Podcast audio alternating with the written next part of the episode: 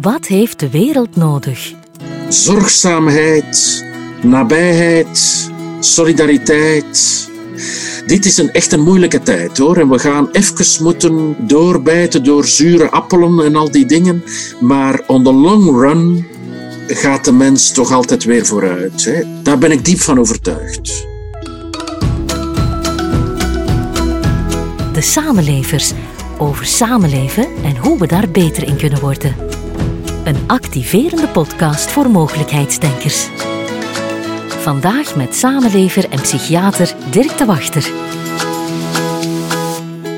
Een paar jaar geleden pleitte psychiater Dirk de Wachter nog voor een bongobon voor een weekendje in eigen tuin.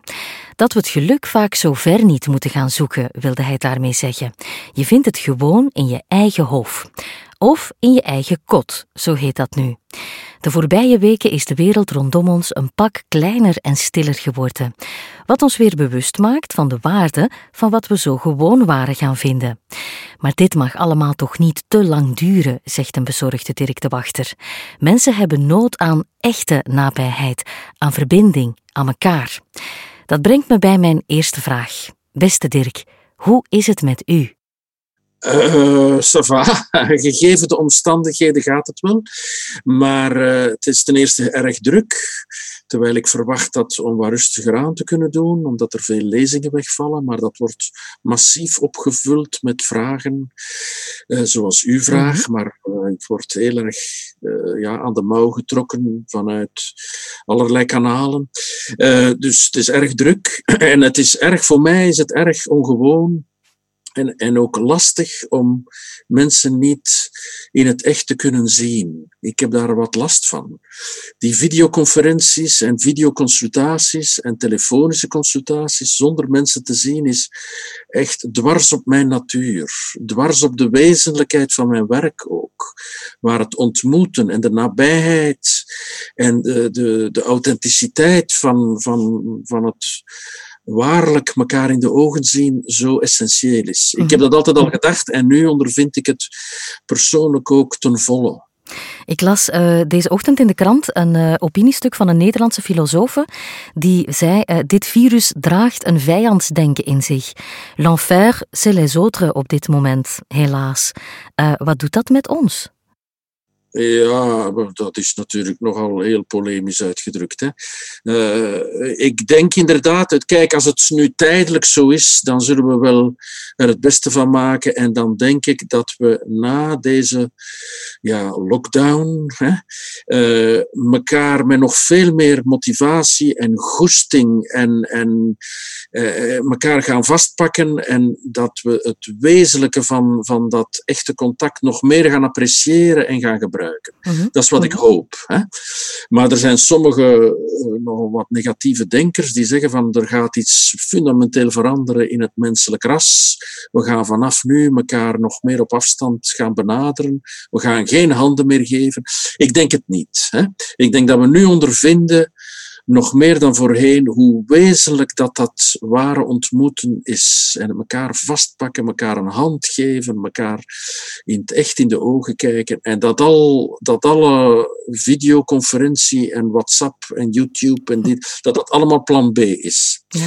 Dat hoop ik en denk ik eigenlijk ook wel. Ja, zoals huidhonger ontstaat bij gebrek aan aanraking, gaan we nu een grotere honger krijgen naar de ander? Ja, maar ook huidhonger, ook fel voelen. Hè. Ik, ik, eh, kijk, het is maar goed dat ik mijn vrouw mag vastpakken, want anders zou ik niet weten waar kruipen. Mm mijn eigen kinderen moet ik met video uh, zien. Ze, ze, komen ook soms langs en dan, dan uh, staan ze wat buiten. en dan kunnen we zo toch wat spreken op afstand. Maar ja, dat is allemaal heel vreemd en in het begin ook een beetje grappig. En iedereen is daar wel creatief in en zo, maar op lange termijn is dat echt heel, heel vervreemd We vervreemden van de ander, omdat die ontmoeting zo gehandicapeerd is, maar we vervreemden ook van onszelf daardoor. Het is een bijna depersonaliserend gebeuren, vind ik, als ik het psychiatrisch uitdruk. Zo vervreemdend van, van uzelf, van wat is dat hier toch allemaal? Mhm. En dat, dat, dat is compatibel met, wat, met mijn mensbeeld. Hè. Dus mijn mensbeeld, uh, zoals ik al veel heb gezegd, dat, dat is een, de mens is, is in essentie verbindend en verbonden. En het, het elkaar vasthouden, letterlijk en figuurlijk, is essentieel voor het mens zijn. Hè. Mm. Dus nu uh, ja, nogmaals, zolang dat dat tijdelijk is, kunnen we wel voort.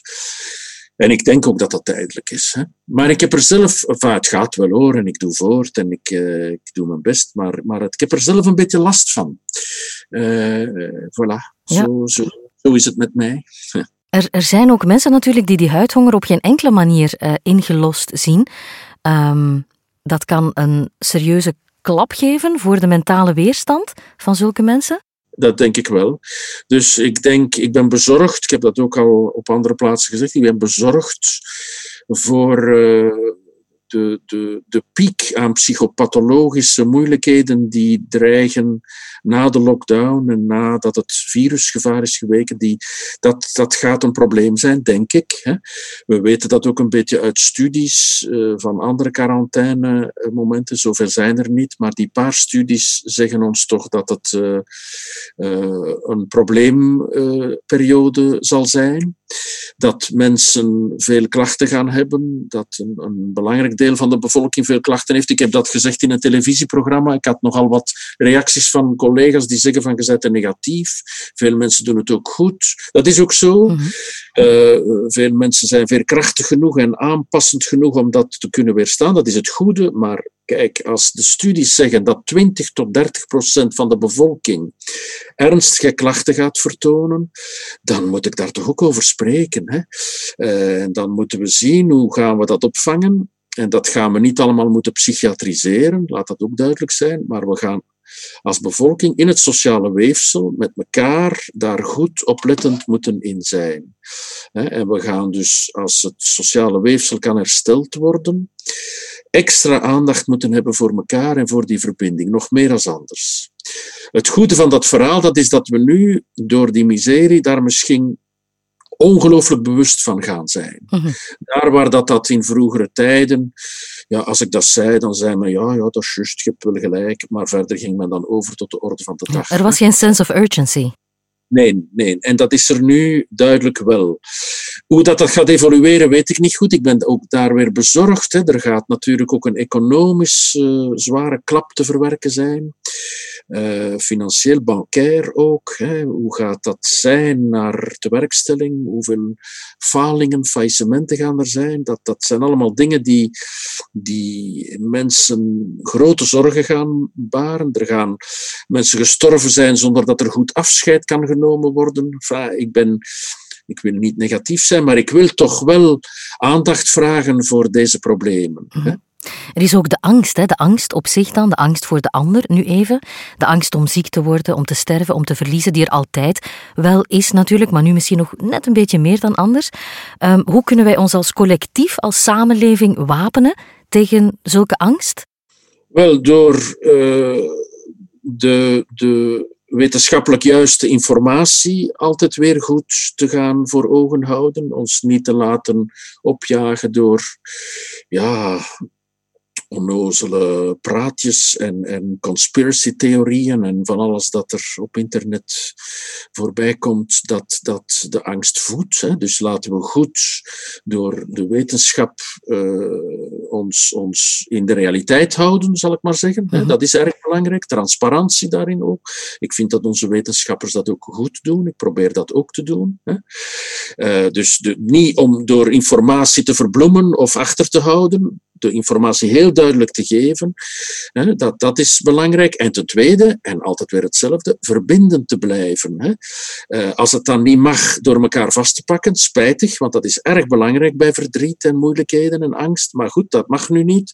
Laten we dat dan doen met de kanalen die we hebben. En dan is het toch ook wel goed dat we al die nieuwe media hebben en die nieuwe toestelletjes en, en, en, en schermen, hè, waar ik altijd kritisch over ben, die wil ik nu ten volle inzetten. Hè. Uh, voilà. En mm. de mensen die je moogt, moogt vastpakken, pak ze vast. Hè. Een keer extra. Ja, ja, mensen zeggen mij wat een geluk dat ik een kat of een hond heb, dan kan ik daar tenminste nog strelend mee omgaan. Ja, bijvoorbeeld, ja. Nou, doe dat maar, doe dat maar. Hè. Ja. Iemand zei mij onlangs, Dirk, eh, dat we eigenlijk beter spreken van physical distancing in plaats van uh, social distancing. Want we zijn met z'n allen nog nooit zo sociaal en zo betrokken geweest. Um, wat denk je, zullen we die warme golf van solidariteit waar we nu een beetje op surfen, gaan we die ook na de crisis kunnen vasthouden? Of is dat een tijdelijk fenomeen? Ik ben erg bezorgd. Ik ben erg bezorgd en ik probeer de hoop erin te houden hoor. En ik ben een mens van de hoop en van maar. Als ik zie hoe Europa begint te onderhandelen over de hulpscenario's en de centen en hoe de, de, de, de verschillende staten op zichzelf terug, terugplooit. Mhm. En hoe daar de solidariteit al heel erg op de achtergrond komt.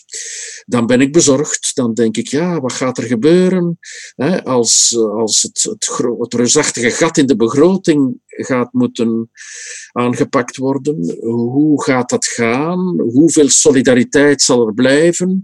Hoeveel van het dagelijkse applaus gaat kunnen omgezet worden in financiële hulp en in uh, ja, en, ja, dat.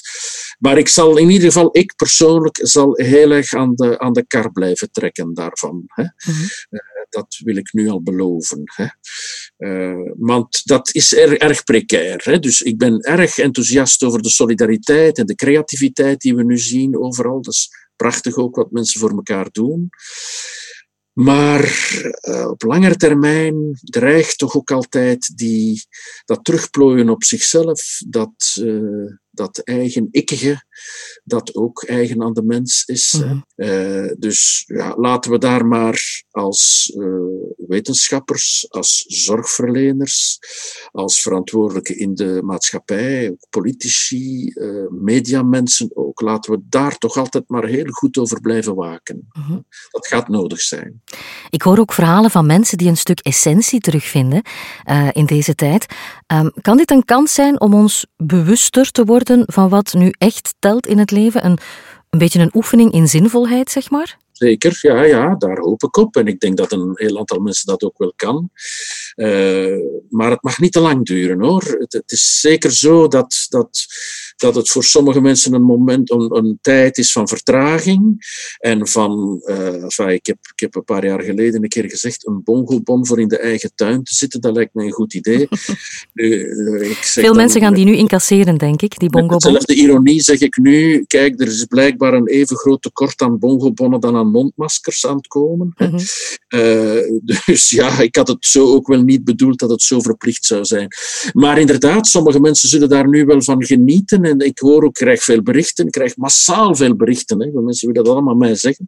Uh, de mensen die zeggen, nu zit ik hier in mijn nof en dat is eigenlijk plezant. En ik geniet toch van het feit dat, dat we nu hier met ons twee zitten, zeggen sommige koppels. Goed, zeg ik dan, doe ze voort, prima. Hè. Maar ik, ik zie ook, en daar wil ik toch de ogen niet voor sluiten, hè, hoe gezinsgeweld toeneemt, hoe relatiegeweld toeneemt, hoe veel mensen angstig en onrustig en zo zijn. Dus ik wil er toch ook niet alleen een hoera-verhaal van maken. Hoor. Mm -hmm.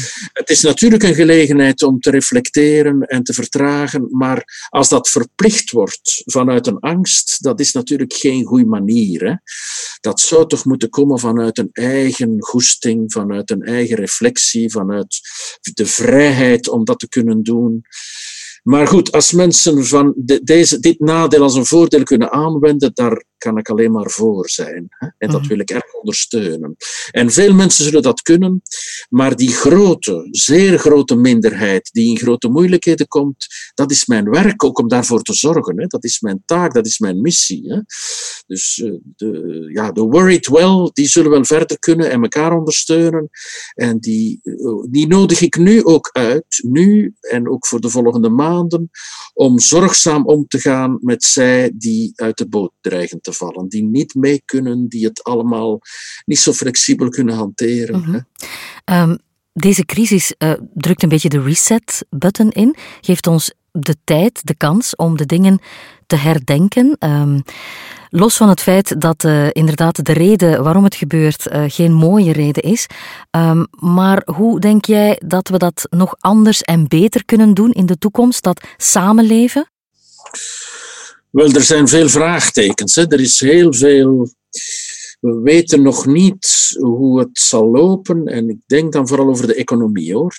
It's the economy, stupid. Mm Is toch weer een, een quote die, die van belang zal zijn. Gaan de economische modellen herdacht worden? Ik weet het niet. Uh, ja, en ik ben ook een leek op dat gebied, dus ik moet daar ook niet te veel praatjes over verkopen. Maar uh, zou dit bijvoorbeeld een opportuniteit kunnen zijn om na te denken over een idee als basisinkomen? Hè? Ik uh, hoor dat Rutger Bregman dat opnieuw opwerpt. Mm -hmm. In Spanje gaat men het ook invoeren, heb ik gelezen. Ja, ja, ja, ja. Dus er wordt toch wel gedacht over nieuwe manieren om dat maatschappelijk weefsel in stand te houden omdat er natuurlijk wat dreigt, is een duale maatschappij van mensen die nu uh, ja, echt uit, uit het economische weefsel dreigen te vallen door mhm. faillissement, door werkloosheid, door financiële problemen. En anderen die, die goed kunnen voortdoen, of sommigen, dat is altijd wel zo, die er garen uitspinnen en er, uh, en er goed van zijn. Hè? Uh uh, maar goed, een duale maatschappij van haves en have-nots is niet uh, wat een goed idee is, vind ik. Hè? Dus hoe, hoe gaat dat hoe gaat het sociale zekerheidssysteem, laat het mij maar rechtstreeks met naam noemen, stand houden? Want het gaat ongelooflijk onder druk komen. Hè?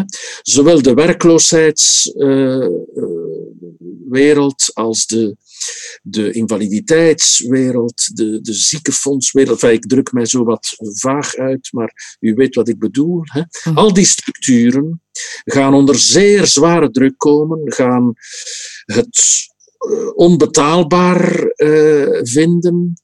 Er gaat daar moeten beslist worden wie wel en wie niet. Uh, dat wordt een hele grote oefening in, in omgaan met de solidariteit, met de inclusie in de samenleving, met, met al die dingen waar we al jaren over nadenken en waar inderdaad die urgency niet zo was.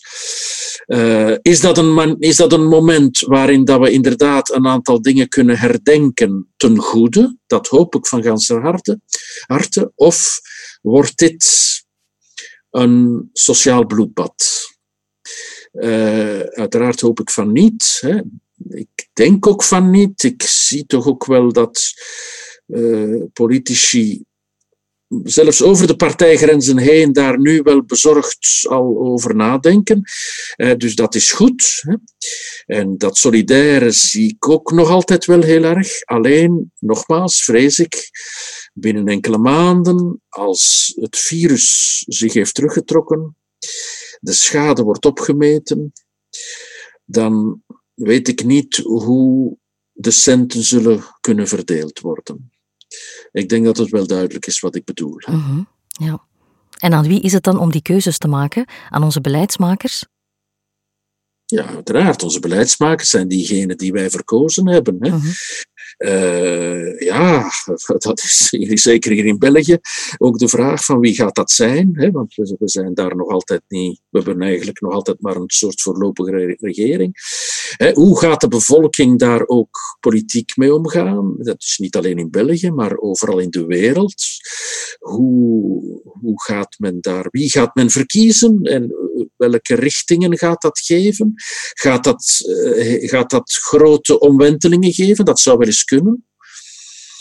Uh, en in welke richting gaan die omwentelingen gaan? Ik weet dat niet. Ik ben -huh. echt ik ben niet bevoegd om daar, het is niet mijn terrein niet, maar ik ben toch wel bevoegd om daar uh, aandacht voor te vragen, omdat ik vanuit mijn psychiater zijn aan de kant sta en in de zorg sta van heel kwetsbare mensen. Ja, we zullen ook die stemmen moeten horen in het debat. Ja, zeker. Dat hoorde ik onlangs iemand zeggen. We horen ook op dit moment misschien al te weinig uh, spirituele stemmen, religieuze stemmen, te weinig psychiaters, psychologen, mensen die begaan zijn met de meest kwetsbare. Jij doet je best, ja.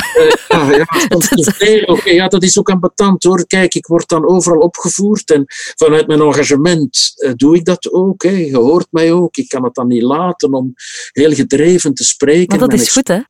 Ja, ja, dat zal dan wel voor u, maar sommige mensen vinden dat dan ook belachelijk en dat doet mij ook pijn. Maar, maar ja, ik word ook overal opgevoerd in die media. Uh, dat, ja, en dat, dat, dat is enerzijds wel goed dat ik, dat, dat ik gezien word, maar anderzijds denkt men, daar is die man weer. Wat is dat nu toch? Dit is toch geen psychiatrisch probleem? Dit is een virus. Wat is dat nu? Zwijg. Ja, dat is een moeilijke positie. Ik, ik, mhm. eh, ik heb daar soms ook wel last van eigenlijk. Ik, uh, ja, voilà. Ja. Dat ik niet goed weet, moet ik nu maar zwijgen. Ik, ik, kijk, de journalisten bellen mij, dan zeg ik, ja, maar ik ben geen viroloog, eh, laat me gerust. Dan zeggen ze, ja, maar nee, het is juist omdat je geen viroloog bent dat je moet spreken, want het zijn altijd maar die virologen met hun statistieken. Ik zeg, ja, het is goed, dan zal ik nog eens afkomen. Ja, de hoeders van onze mentale veerkracht, die moeten we ook horen, ja, hè? Iets, ja, ja, ja, maar Zoiets, er zijn er ook buiten mijzelf. Hè. Gelukkig heb ik Peter Adriaanse nog, die na zijn pensioen toch nog uh, op de barricades komt staan. Ik uh, ben, zeer blij met zijn stem. In elk geval denk ik dat we over 50 jaar hierop kunnen terugkijken als een uh, ja, interessante periode in de geschiedenis. Misschien ook wel een knooppunt, maar dat hangt dan inderdaad af van de keuzes die zullen gemaakt worden. Ik zal er niet meer bij zijn dan. Hè. Ja, ik ook niet. Ik aan mijn kinderen vragen. Mijn zoon is uh, psychiater in opleiding. Binnen 50 jaar zou ik hopen dat hij er nog mag bij zijn. En dat hij als oudere man kan zeggen: Ja, God weet er nog in de tijd ons vader. Wat zei hem toch allemaal? Wat zei hem toch allemaal? Het was een brave mens, maar dat was toch allemaal het een en het ander. Ik weet het niet. Ik zal het hem zeggen. Dat is goed. Dirk, um, wat heeft de wereld nodig? Ook nog los van heel deze toestand, van heel deze crisis, gewoon een puur open vraag. Wat heeft onze wereld nodig? Wel, ja, niet anders dan anders. Alleen is het nu veel urgenter. Zorgzaamheid, nabijheid, solidariteit. Uh, ja. En, en dat, is, dat is geen, ik doe hiermee geen, geen partijpolitiek uh, oproep hoor, maar de mens is essentieel een verbonden wezen.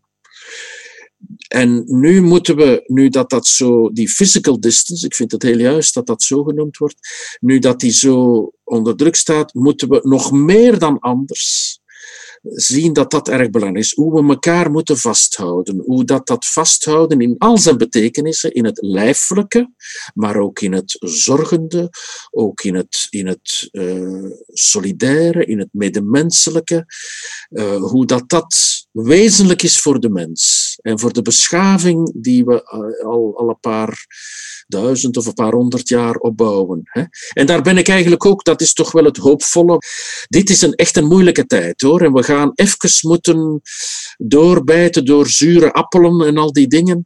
Maar on the long run gaat de mens toch altijd weer vooruit. Ook zelfs bij oorlog of grote rampen enzovoort, zien we dat dat dan op langere termijn toch de, de, de bijna Hegeliaanse vaart der, der volkeren niet kapot maakt. Daar ben ik diep van overtuigd. Mhm. Heb jij zelf de voorbije weken iets geleerd, iets nieuws geleerd over jezelf, over de anderen? Ja, niet nieuw eigenlijk, maar nog meer dan dat ik dacht. Kijk, het niet aanraken van, van andere mensen en ook mijn patiënten hoor, geen hand kunnen geven, die mensen niet nabij zijn. Ik heb daar echt last van. Uh, niet, niet in de zin dat ik niet goed slaap of van die dingen zo, sava, hè, maar uh, dat, ik heb geleerd dat wat ik tevoren altijd zo'n beetje uh, ja, als een soort theoretisch model presenteerde en zegt van kijk mensen, dit is echt belangrijk. Die ik ondervind nu ook bij mijzelf, voor mijn eigen leven. Kijk, ik kom thuis en ik pak mijn vrouw vast nog veel meer dan tevoren. Omdat ik daar zo'n nood aan heb. Zo. En ik denk dat, dat, dat ik daarmee wel uh, het gevoel van vele mensen uh, verwoord, omdat ik dat ook wel, als ik dat zo vertel, uh, zeggen veel mensen dat ze dat erg herkennen. Enfin, het is, als u het vraagt, voor mijzelf ook zo. Hè? Dus de, dit soort van conversaties, met alle respect en alle plezier, maar ik zou u toch graag de volgende keer nog eens echt ontvangen. Ja. Uh, ja, voilà. Volgende keer kom ik, uh, kom ik opnieuw een kop koffie bij u aan de keukentafel drinken. Uh, liever rapper dan trager. Absoluut. Dirk de Wachter, het spijt me dat dit via Zoom moest gebeuren, maar toch heel erg bedankt hoor. Wie de volgende weken nog wat tijd te besteden heeft, kan ik altijd de boeken van Dirk de Wachter aanbevelen. Borderline Times, Liefde, een onmogelijk verlangen en de kunst van het ongelukkig zijn zijn allemaal verschenen bij Lano. De Samenlevers kan je beluisteren via SoundCloud, iTunes en Spotify. Voor een overzicht ga je naar de Facebookpagina De Samenlevers.